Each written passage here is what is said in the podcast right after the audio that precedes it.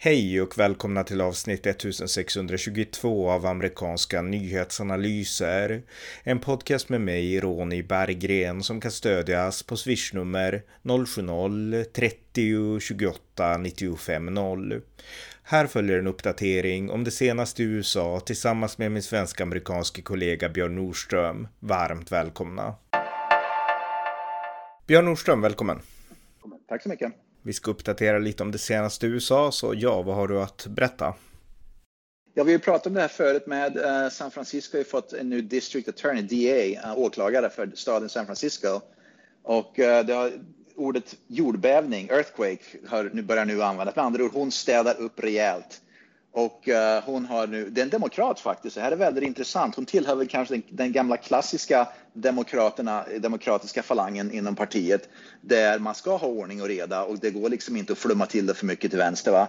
Men hon är i alla fall, eh, hon håller på nu städar upp rejält och ryktet går nu att, eh, att det kommer att bli, att hon kommer att, vad heter det, honor, hedra, vad ska man säga, väljarna som då röstade bort den förra district attorney. Och det är det som väljarna vill. Och det här är goda nyheter, inte bara för San Francisco, utan för hela USA. Därför att om San Francisco vänder Los Angeles in i samma process nu, det är, också, det är två storstäder där, båda i Kalifornien. Mm. Det liksom kommer att sända, det är signalpolitik som går till hela USA. Precis som Virginia var angående guvernörsvalet så är det här starka signalpolitiker. Nu är det bara New York som står på kö med. Uh, och vi kommer, jag tror vi har ett ämne där också, prata om den här politikern som blev attackerad i New York. Mm. Men, men, New York är nästa på kö nu med det här, att, att det, det, kommer att ske en förändring där snart med. Ja, verkligen. Men eh, om vi går in på politikern då, för det är en ganska stor händelse. En politiker i New York har blivit attackerad och det är en republikan. Han är republikanernas ja. guvernörskandidat, Lee Seldin heter han och eh, ja, du kan berätta vad, om du har sett videon, vad som, vad som hände. Ja, jag har faktiskt inte sett själva videon, bara läst mycket om det. Det var väl ett torgmöte, jag vet inte om du har sett videon? Jag har sett videon. Men, mm. Ja, du kan ju berätta då, men det var ett torgmöte om jag förstår saken rätt. Som, det var någon som rände upp och skulle slå ihjäl honom, var det väl tänkt? Mm. Ja, exakt. Det var, ett, ja, det var, precis, det var ett möte. Det var inte så många där, men eh, det var ett öppet möte, en ganska låg scen och det kom upp en man på scenen och mannen hade tydligen en keps där det stod veteran och det gjorde väl att ja. hans livvakt sänkte i garden lite grann och tänkte att det är en veteran. Men mannen ja. kom snabbt fram till Lee, eh, till Lee Seldin in och började ja. hytta med knytnäven mot honom och i handen så höll han, det visade sig vara nycklar, men det var något så skarpt objekt och så sa han att nu, nu är det kört för dig ungefär.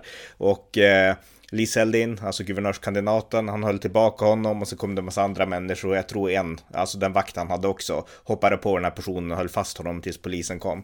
Så att eh, det var det och det såg ju, eh, ja, han kom ju oskadd undan, han höll ett nytt kampanjevent senare, men det var ju ändå ganska, ja, ganska otrevligt att en person kunde, som ville skada honom kunde komma så nära. Det är faktiskt inte det är faktiskt inte det mest otrevliga med det här. Det som är mest otrevligt med det här, det är att personen anhölls men släpptes omedelbart. Med andra ord att, att eftersom det var i delstaten New York så räknades av någon konstant. Det här, det här är för mig en attack mot demokratin. Det är en attack mot politiker, en attack mot, mot domare och det är en attack mot, mot samhället om man säger så, och mot demokratin. Men personen blev anhållen och sen släppt omedelbart. Och det var en privatperson som tacklade honom också. Så det var en privatperson, inte bara vakten, utan en privatperson som framför allt uh, tacklade ner honom. Mm. Och den privatpersonen har uttalat sig och är skitförbaskad på, och det förstår jag också, att, att, att den här mannen nu är, är utsläppt redan. Därför att som privatperson då försöker man ju stoppa ett, ett hot, och liksom ett, ett, hot mot demokratin. Och sen den nästa grej man ser, man riskerar själv kanske livet för det där. Och den nästa grej man ser så är personen tillbaka på gatan igen. Va? Det är ett fullständigt hån mm. mot människor som då försöker stoppa våld mot demokratin. Verkligen, och vi kan säga att den här gärningsmannen att han är, alltså han kommer ju att bli åtalad i augusti för det här som han har gjort, men eh, det är för att New York har de här knäppa lagarna att man får inte ta ut för mycket i borgen och den här personen, han blir släppt därför att man kan inte avkräva borgen, det, det, har någonting med det att göra. Och det intressanta är då det är att den här kandidaten som blev attackerad, Lee Seldin, republikanen, han kampanjar för att New York ska styra upp till rättspolitik, alltså att de ska också göra en uppstädning som du pratar om i San Francisco och Los Angeles. Alltså det är det han kampanjar på, så det är rätt intressant och att den person som attackerar honom, den kommer ut eh, på grund av de lagar som Lee Seldin kampanjar emot. Och det här är ju inte bara politikern som blir attackerad. O, an, otaliga gånger i delstaten New York, framför, framförallt i New York City, så har gärningsmän, män, liksom personer som, är, som, som har begått grova brott släpps ut på gatorna omedelbart efter det grova brottet och liksom en timme eller två efteråt har de begått ett nytt, nytt grovt brott. Om det har varit en våldtäkt eller ett rån eller en, en vad ska man heta det, en, en assault, mm. uh, ner, dunkat ner någon spelar. Men det är liksom trenden i New York nu. Brottslingar och våldsbrottslingar vet om att de kan begå ett grovt brott, till och med ett grovt brott. Vi pratar inte om småbrott, vi pratar om grova våldsbrott och sen bli utsläppta omedelbart på gatan och begå ett nytt. Och det är det som är, och det som jag sa, det Los Angeles, San Francisco har klurat ut det där äntligen, att man måste göra någonting åt det systemet. Los Angeles på G där med och förhoppningsvis kommer New York att ändra sig snart med. Vi ska säga också att gällande det här dådet så det har fördömts av eh, den demokratiska guvernören, hans motståndare Katie Hochul, hon har fördömt det här, Joe Biden har fördömt det här och han har fått stöd av väldigt många från båda partier ska säga, så att det är åtminstone bra. Men eh, sånt här ska inte hända. Sen tycker jag också att vad jag vet så har det inte omskrivits i Sverige och återigen den här klassiska frågan, tänk om det hade varit en demokratisk guvernörskandidat, då hade det skrivits om det överallt. Men nu är det en republikan så svensk media bryr sig inte. Ja, och våran vän Alexandria Casey Cortez som är från New York, hon har inte sagt någonting om det här, vilket inte är skvatt förvånande därför att det var en republikan som blev attackerad och inte en demokrat. Hade det varit en demokrat, då hade hon omedelbart varit ute på Twitter och, och uh, kritiserat det hela. Mm. Ja, verkligen, verkligen. Ja, men det var lite om det. Något annat?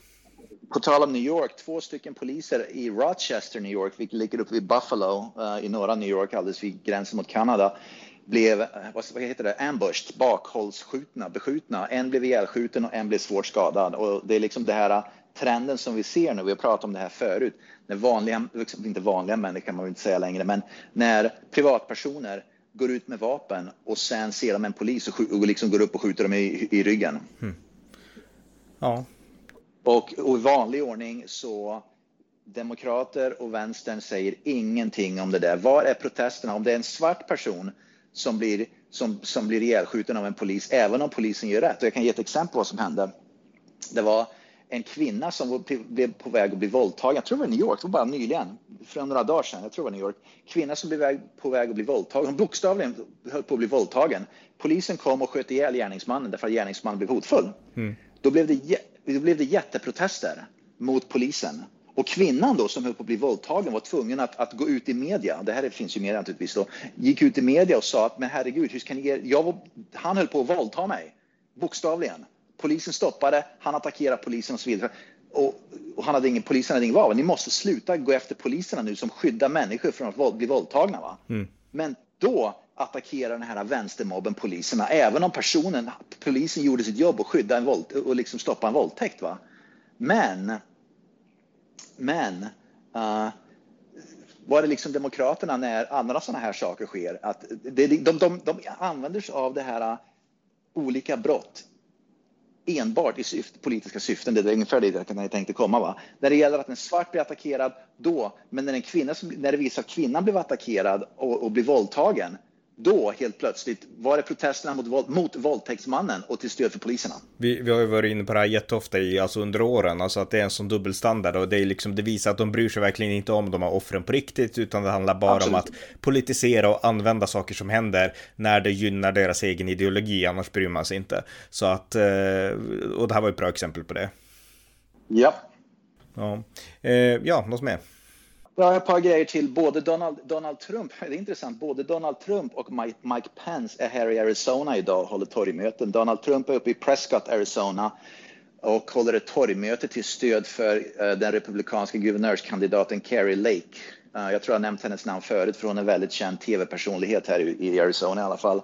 Och Mike, Mike Pence, han är, håller torgmöte här idag i, i en stad som heter Peoria som ligger i grannstaden där jag bor och eh, han håller ett, hans torgmöte till stöd för vad heter den, Karen Robson tror jag hon heter, som är en annan uh, guvernörskandidat, både, också republikan. Jag tror Robson är, lite, är ännu mer konservativ och lite hårdare på gränsen än Carrie Lake, men i alla fall så bägge är här just nu och kandiderar för bokstavligen stenhårda gränser, bygg muren och så vidare. Så Mike Pence verkar också ungefär samma policy-stöd som Donald Trump. De har bara väldigt olika personlighet naturligtvis. Mm.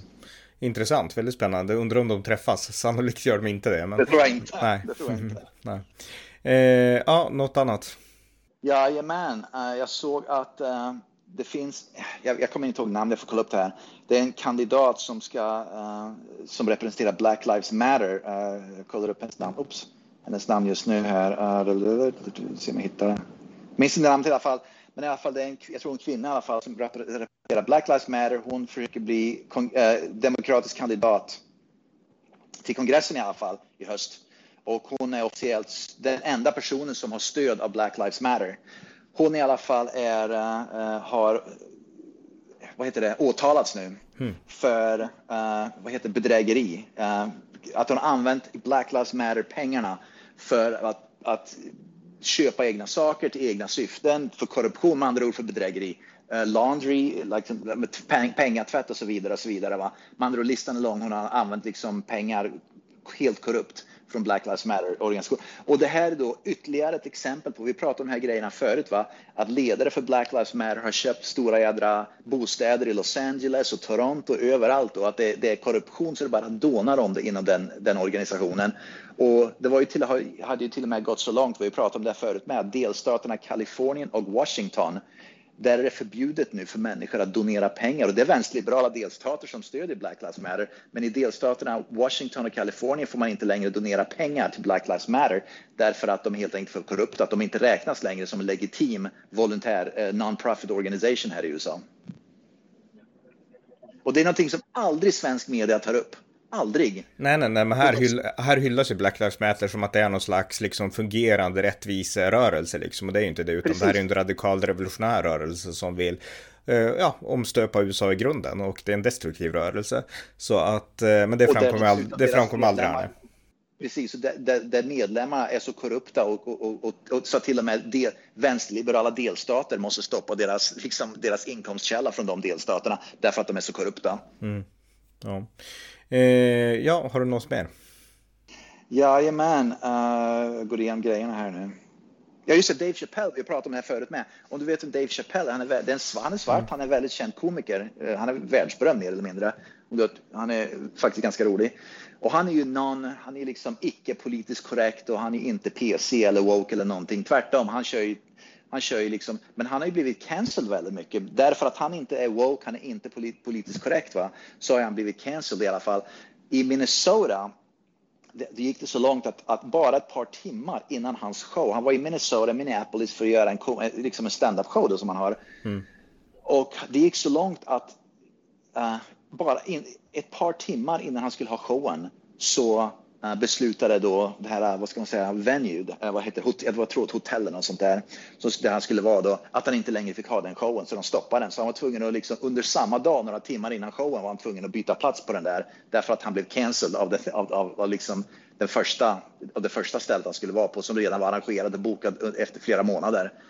Men det visar liksom att, att det här uh, cancel culture är, är, liksom alive and well här i USA. Även om det håller på att bli bättre så finns det då sådana här exempel på som, att, som just det här. Där målet är att inte stänga av någon. Beror det på att han liksom, för jag vet inte om han är konservativ eller inte, men alltså beror det på att han driver med vänstern eller?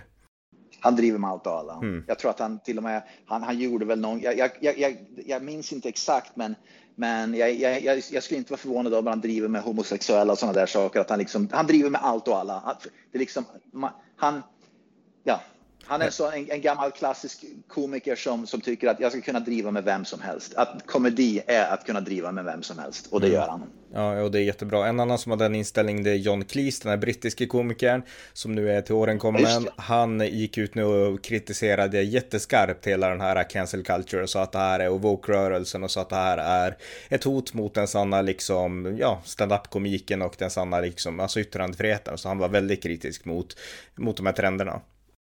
Ja, Jerry Seinfeld, det vet ju säkert vem det är. Mm. Han har ju till och med slutat göra ståuppkomikershow. Han gör bara vissa lite då och då, men han åker ju inte längre upp runt på universitet och så där. Men han har ju sagt rakt ut samma sak. Han är kanske en av de absolut mest kända ståuppkomikerna i hela världen. Uh, att, att liksom det har totalt spårat ur. Att mm. det här woke och cancel culture har totalt spårat ur. Att det går inte att vara komiker längre därför att alla blir offended för allting. Mm. Nej, nej, visst. Eh, ja, något annat?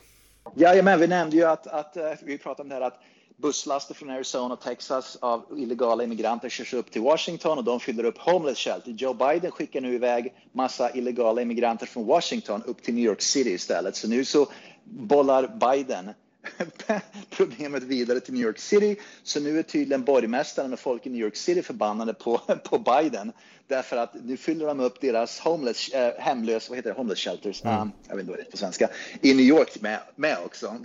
alltså det är helt otroligt. Istället för att lösa grundproblemet, vilket är ordning och reda vid gränsen, då bara bussas folk runt. illegala immigranterna runt och nu kommer New York och sätta in dem i bussar förmodligen och skicka dem till någon annan stad. Det är helt, alltså det är helt absurt. Det är helt absurt. Men det här är vänsterns och demokraternas politik i ett nötskal. Ha gränserna öppna och sen bara bussa runt, bussa runt människor, illegala migranterna kors och tvärs. Att de i slutar med att de bor i bussar och bara åker i en cirkel, cirkel runt om i USA. Mm. Ja, alltså det är mycket som inte fungerar i USA, låter det som. Alltså invandringspolitiken fungerar inte, lagordningen fungerar inte och alltså vad, vad är det som fungerar?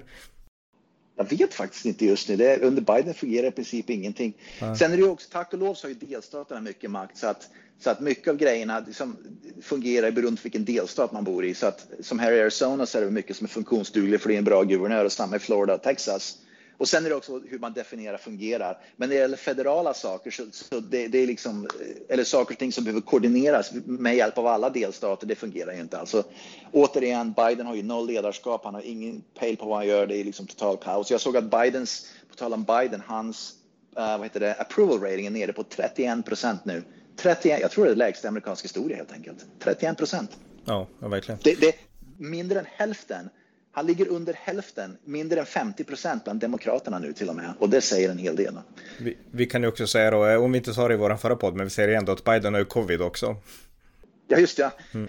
och folk driver, alltså det är så roligt. Här. Folk, du vet det här, uh, han snackar ju om att han fick uh, cancer i Delaware nu på grund av oljeföretagen där, eller vad det nu var. okay. Det var en groda han spydde ur sig bara för ett par dagar sedan. Mm. I alla fall. Uh, så folk driver om det här och säger att han fick, att, att, att han fick cancer i Delaware och på grund av cancer så fick han covid nu. Så att, alltså, han, är, han är liksom ett, stå, ett, ett, ett, liksom ett stående skämt nu. Det han fick covid av, och det här är någonting som Biden, återigen, Biden har ingen aning om vad han pysslar med. Så Biden var ju på en Mellanösternresa kanske du vet. Han, han, bland annat åkte han till Saudiarabien där det blev ett fiasko. Han ville ju ha mer olja som pumpades ut men det blev inte så. Det där pratade vi om i förra podden tror jag. Ja, precis. Men mm. poängen här är att, att, han lovade och han lovade på heder och samvete att han inte skulle skaka hand med en enda person därför att han skulle undvika det. Därför att om man skakar hand då ökar risken för covid, eller hur? Mm. Det slutar med att han skakar hand med folk kors och tvärs, inkluderat en massa folk från Saudiarabien. Och den handskakningen som han gjorde ledde förmodligen till covid därför att någon hade covid, han skakade hand och sen började peta sig i näsan eller någonting och så fick han covid. Men i alla fall, poängen var som Vita huset pratade om när han ska på Mellanösternresan, ingen handskakning, sex fot, ha masker och allting just för att undvika covid och han bröt mot varenda av de grejerna och så fick han covid. Mm.